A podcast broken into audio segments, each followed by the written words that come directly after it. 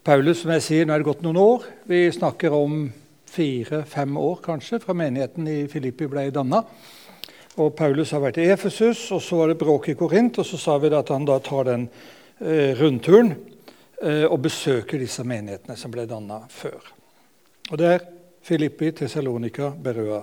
Og sikkert noen andre også, men det er de vi vet om. i alle fall. Og i andre Korinterbrev, kapittel 8 Der Paulus Nemlig da han skrev andre korinterbrev. Han er på vei til Korint. Han har sendt første korinterbrev tidligere. Og så sier han om jeg reiser og besøker dem og rydder opp en del. Eh, også, mens han er der oppe i Makedonia, så skriver han det andre brevet for en av Paulus sine medarbeidere, som heter Titus.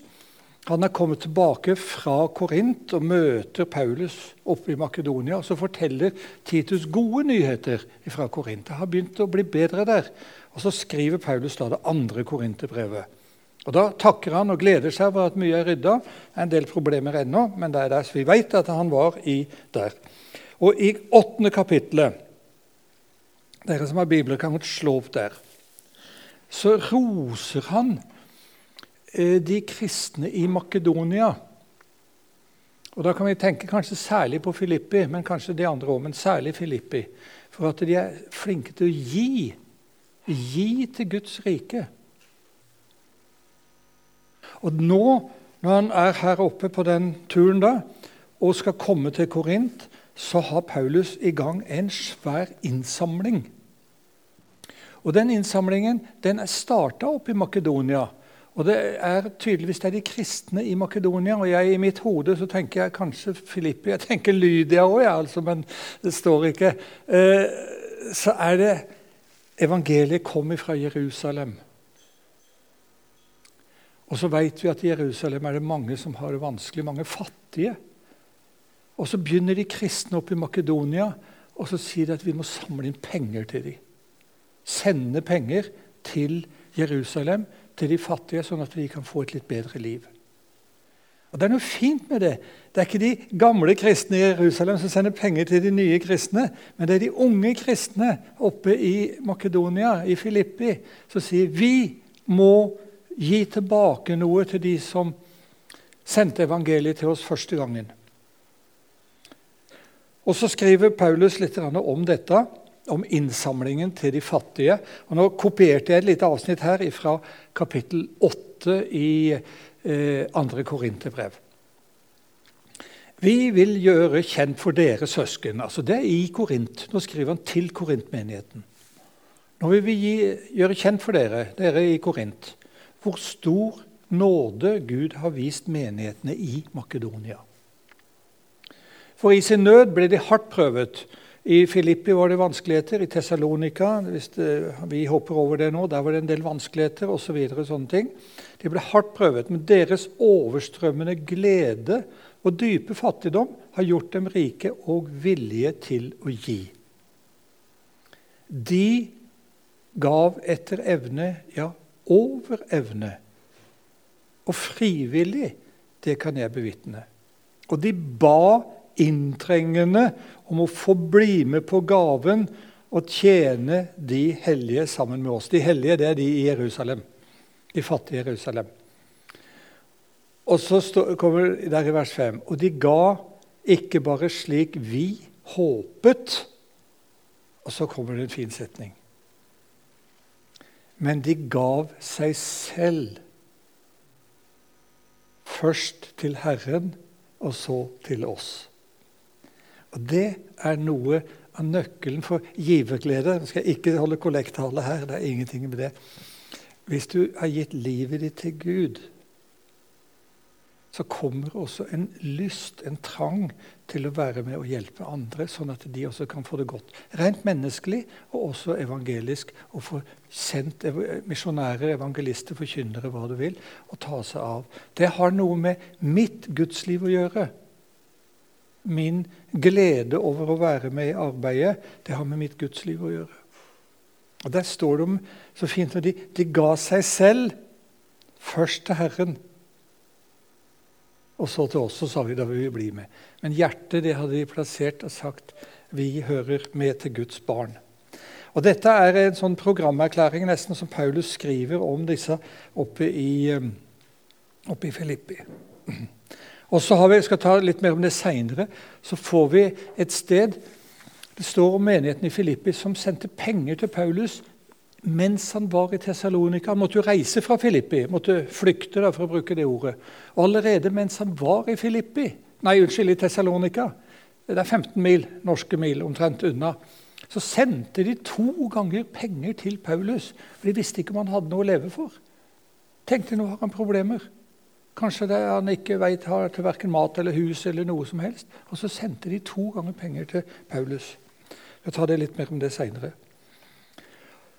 Og da Paulus var i Korint på andre misjonsreisen, altså mellom de to tingene vi har snakka om nå, det var ett og et halvt år der, så sendte de også penger til Korint for å hjelpe Paulus. Skal vi lese 11, kapittel 11 i um, andre Korinterbrev her? Andre, jeg synes han er tøff, Paulus. han skriver, Andre menigheter har jeg nærmest plyndret, skriver han. Jeg slo opp i dag i ettermiddag og måtte se på det ordet 'plyndra'. Jeg synes liksom det er rart at det ser ut som han har plyndra menighetene. Det står det. Det betyr det, det ordet. Det eneste gangen det er brukt i Bibelen. Han plyndra menighetene, sier han. Men det, det er Paulus som sier det, det er ikke de som sier det. Så Det, det er bare hans måte å si det på. Uh, jeg har nærmest plyndret det. Jeg fikk lønn av dem for å kunne gjøre tjeneste hos dere. Altså hva er det han sier? Jeg har fått lønn av de oppe i Makedonia, Filippi, for å kunne jobbe nede hos dere i Korint. For da jeg var hos dere i Korint, ble jeg ikke til byrde for noen av dere når jeg trengte noe. Han ba ikke om penger eller noe i Korint. Det var en litt vrien menighet. til dere der. Han ba ikke noe. For brødrene som kom fra Makedonia, ga meg det jeg manglet, eller det jeg trengte.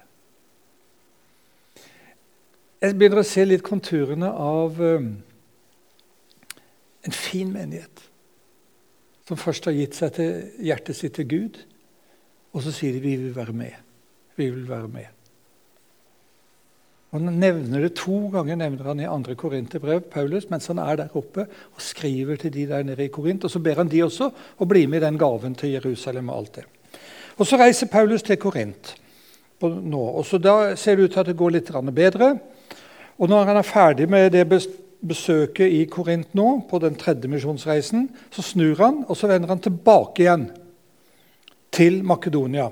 Og Nå hopper vi til apostelgjerningene kapittel 20, dere som har uh, bibler. I begynnelsen der. Ja, skal se hvor lenge skal Det står i vers 3 at han ble der nede i tre måneder.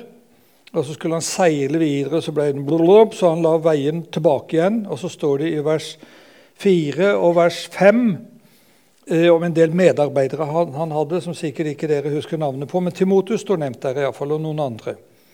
Og så står det disse dro i forveien. Da er tilbake igjen.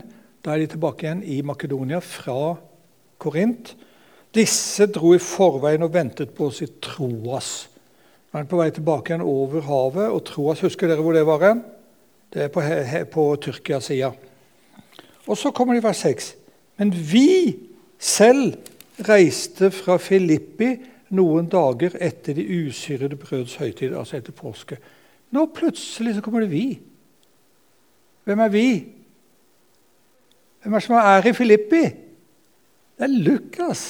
Der er han igjen. For nå plutselig, når de er i Filippi, så dukker vi opp igjen er det vi. Noen dager etter påske så dro vi over havet og så, videre, og så traff vi de andre. Og den første dag i uken, når de kommer til Troas, så var vi samlet for å bryte brødet, står det. Altså eh, nattvern. Og det er Her kommer de, det som reiste, og så ser vi det igjen. Vi reiste fra Filippi. Nå er Lukas med. Og jeg spør, hadde han vært der hele tida? Det vet vi ikke. Kanskje hadde han vært i Filippi i flere år som leder for menigheten. Kanskje hadde han pendla litt til Troas, til legevirksomheten der og tilbake igjen. Det vet vi ingenting om. Men han er i alle fall eh, pastor, kan jeg bruke det ordet, i Filippi. Eller eldste eller lederen i Filippi. Han har vært det hele tida. Og så begynner Lukas nå, når vi kommer til kapittel 20, og når Paulus nå skal reise til Jerusalem med denne pengegaven og det, nå kommer vi hele veien. Det er vi, vi, vi, vi. Det skal ikke jeg si noe mer om. Men nå er Lukas med, og han er med mye. Han er med til Jerusalem. står det 'Vi kom til Jerusalem' og det. Og han er med under fangenskapet som Paulus har to år i Israel, før han ble sendt til Roma. Paul, eh, Lukas var ikke fange, men han var sammen med Paulus får vi si, og hjalp han.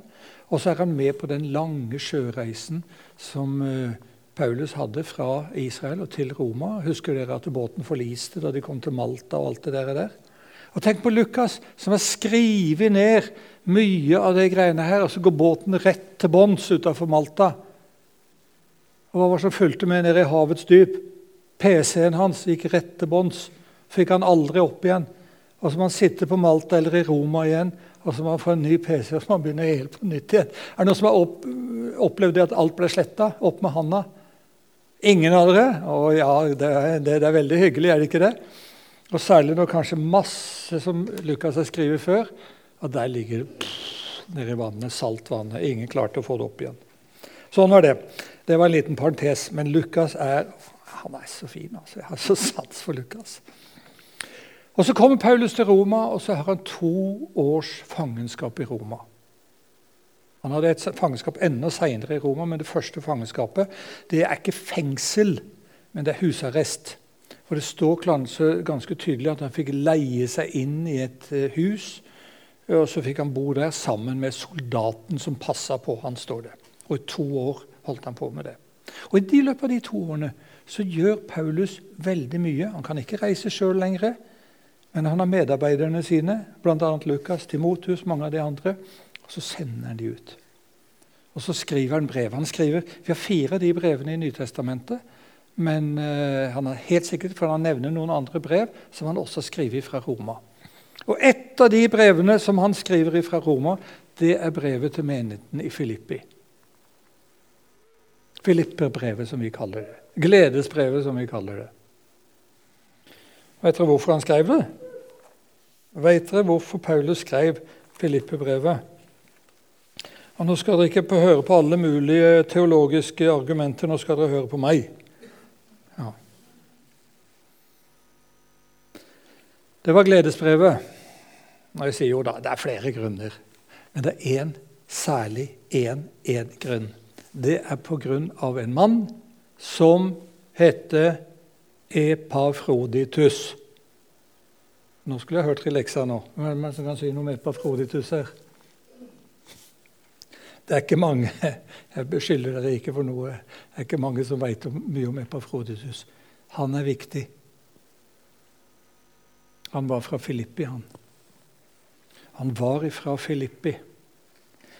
Og så hadde han kommet fra Filippi til Roma med en pengegave til Paulus. Der har de kristne i Filippi visst at Paulus sitter i husarrest. Vi veit ikke åssen han har det, vi veit ingenting. Altså samler de sammen penger til Og så sier de du er på Froditus, vil du reise til Roma? Og nå må ikke vi begynne å tenke flyreiser eller buss eller tog. eller noe sånt. Nå. Han gikk det meste av det, antageligvis, og litt båt. Kan du reise til Roma? Ta med denne gaven til Paulus, for vi vet ikke hvordan han har det. og Han trenger en oppmuntring. Og så reiser Epafroditus til Roma med den pengegaven. Og I kapittel 2 der så står det litt om dette. 2.25. Jeg skal bare lese det. Jeg har også funnet det nødvendig å sende Epafroditus tilbake til dere. Han er min bror og medarbeider og stridskamerat, og han var deres utsending som skulle hjelpe meg med det jeg trengte. Og så står det litt at Han var blitt så sjuk, og de hadde hørt noen rykter om at han holdt på å dø. Men nå er han frisk igjen, og så sier Paulus nå sender han tilbake. Han hadde med seg en pengegave i kapittel 4. Skal vi lese et eh, svært avsnitt her nå. Ja, Først så tar jeg bare og gjentar. Det var den menigheten Filippi som hadde gitt seg sjøl først til Herren, og så kan de klare å gi til andre. Uh, vent litt, nå, jeg, nå, hopper jeg litt. Nå skal vi ta litt Filippi-brevet. Hva er det for noe? Det er rett og slett På godt norsk en kvittering fordi han har mottatt en pengegave. Det er litt mer. det er litt mer. Men det er faktisk det, altså.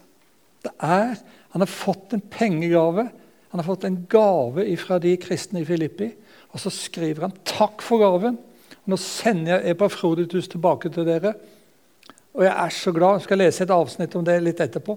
Jeg skal bare ta med noen av kjerneordene fra Filippe-brevet. Gled dere i Herren alltid, står det. Igjen vil jeg si gled dere. Er det noen av dere som kjenner det? Et av de kjente ordene våre. Og I begynnelsen av eh, brevet så står det jeg er viss på at han som begynte sin gode gjerning i dere, skal fullføre den helt til Jesu Kristi dag. Det var en hilsen jeg fikk. Jeg skal ikke utbrodere dette. Jeg levde ikke noe særlig Mor og far var veldig bekymra for meg. Jeg sier ikke mer enn det. Så ble jeg kristen, og så fikk jeg en hilsen av en kristen leder med det ordet der. Jeg var, jeg var yngre enn dere. jeg var men uh, fikk det at jeg er sikker på han som begynte den gode gjerning, han skal fullføre den til Jesu Kristi dag. Det er et av mine ord i Bibelen. akkurat det. Filippebrevet. Å ha det samme sinnelaget som Jesus, det skal vi også se litt på. Og Så sier han også i det som før var en vinning, sier Paulus, det som jeg så så stort på, det er ikke noe for nå lenger. Det er ikke så viktig for meg nå. Men det hører Jesus til, det er det viktigste skal vi lese litt nå i kapittel 4 her nå om Epafroditus. Kapittel 4 og vers 10 og utover. Det gleder meg stort i Herren at deres omsorg for meg nå skyter nye skudd, sier Paulus. Dere har nok hatt omtanke for meg før også, men hadde ikke mulighet til å gjøre noe med det. Jeg sier ikke at dette er fordi jeg led nød, for jeg har lært å klare meg med det jeg har. Jeg vet hva det er å ha det trangt, og hva det er å ha overflod. I alt og i alle ting er jeg innviet. Å være mett, å være sulten, å ha overflod og lide nød. Og så kommer et kjent ord, som dere sikkert kjenner og ikke har ant sammenhengen. Alt makter jeg i Ham som gjør meg sterk. Er det noen som har hørt det ordet før? Der står det. Midt inni det der. der. Jeg har opplevd mye. Likevel gjorde det meg godt at dere sto sammen med meg da jeg var i nød. Dere vet selv, filippere, at i den første tiden jeg forkynte evangeliet I den første tiden jeg forkynte evangeliet, opp hos dere altså, og hadde forlatt Makedonia var dere den eneste menigheten som førte regnskap med meg over gitt og mottatt. De sendte penger og skrev og hadde kontroll på det. Og allerede da jeg var i Tessalonika, da han måtte forlate Filippi og dro til Tessalonika, allerede da jeg var der, sendte dere meg både én og to ganger det jeg trengte. Det er jo ikke gaven jeg er ute etter, men frukten av den, sier han. Altså, det er ikke pengene eh, som er det viktige her, men det er dere og den omsorgen dere har. Og den kjærligheten dere har. Og den iveren dere har. Det er det, det er det, som betyr noe for meg, sier Paulus. Det er jo ikke gaven jeg er ute etter, men frukten av den, og den skal bli godskrevet dere rikelig. Med dette bekrefter jeg at alt er mottatt og at jeg nå har nok. Ja, jeg har mer enn nok. Nå når Epafroditus er kommet med sendingen fra dere. Den var som en god duft, sier han. Det er en kvittering. Takk skal dere ha. Og så skriver han det brevet fra fangeskapet som oser av takknemlighet og glede over en flott menighet. Nå skal vi lese et av de mest kjente stykkene i Filippe-brevet i kapittel 2. Og Det er ikke noe kritikk mot de, de kristne, men det er en oppfordring til dem. Og så står det ha det samme sinnelag, la det samme sinnelag være i dere som også var i Kristus Jesus. Oi, det hadde vært noe, det, å ha det sinnelaget. Så forteller han litt om Jesus' sinnelag. Han var i Guds skikkelse. Han var i himmelen, altså. Og Han så det ikke som et rov å være Gud lik. Det var ikke noe ulovlig. for å bruke sånne to. Han var sjøl Gud. Han var i himmelen. Han var Gud. Og så ga han avkall på det. Han ga rett og slett avkall på det. Og tok på seg en tjeners ja, da var det ikke noe avstand, tjeners skikkelse, og så ble han mennesker lik. Og Så kom han hit til jord og ble et menneske. Da han sto fram som et menneske, fornedret han seg selv og ble lydig til døden, ja, døden på korset. Derfor har også Gud opphøyd han til det høyeste og gitt ham navnet over alle navn. Det er det navnet som er så hellig eh, på Gud, så jødene de er Ikke fordi de er kristne, men gudsnavnet fra Gamle testamentet som er så hellig at jødene de tør ikke uttale det engang. Jeg har spurt flere ganger i Israel. Nei, de sier ikke det. Det er det JHVH. Det altså 'jeg er'. Det uttaler ikke det. Det har Jesus fått, det høyeste navnet. Navn over alle navn. Og Jesu navn skal derfor hvert kne bøye seg en gang. I himmelen og på jorden og under jorden. Og hver tunge skal bekjenne at Jesus Kristus er Herre til Gud Faders ære. Og Det sinnelaget han snakker om, det er det å være villig til å gi avkall på sin egen rett, faktisk. Bøye seg ned, og Jesus sa det. Den som er stor blant dere, han er en tjener. Han som kan tjene andre. Og Filippi-menigheten er et eksempel til etterfølgelse på det. Nå er jeg ferdig. Jeg lærte dere litt om menigheten i Filippi. Eh, kan vi folde hendene og takke litt for at det har vært noen sånne kristne også? Og det fins noen i dag òg.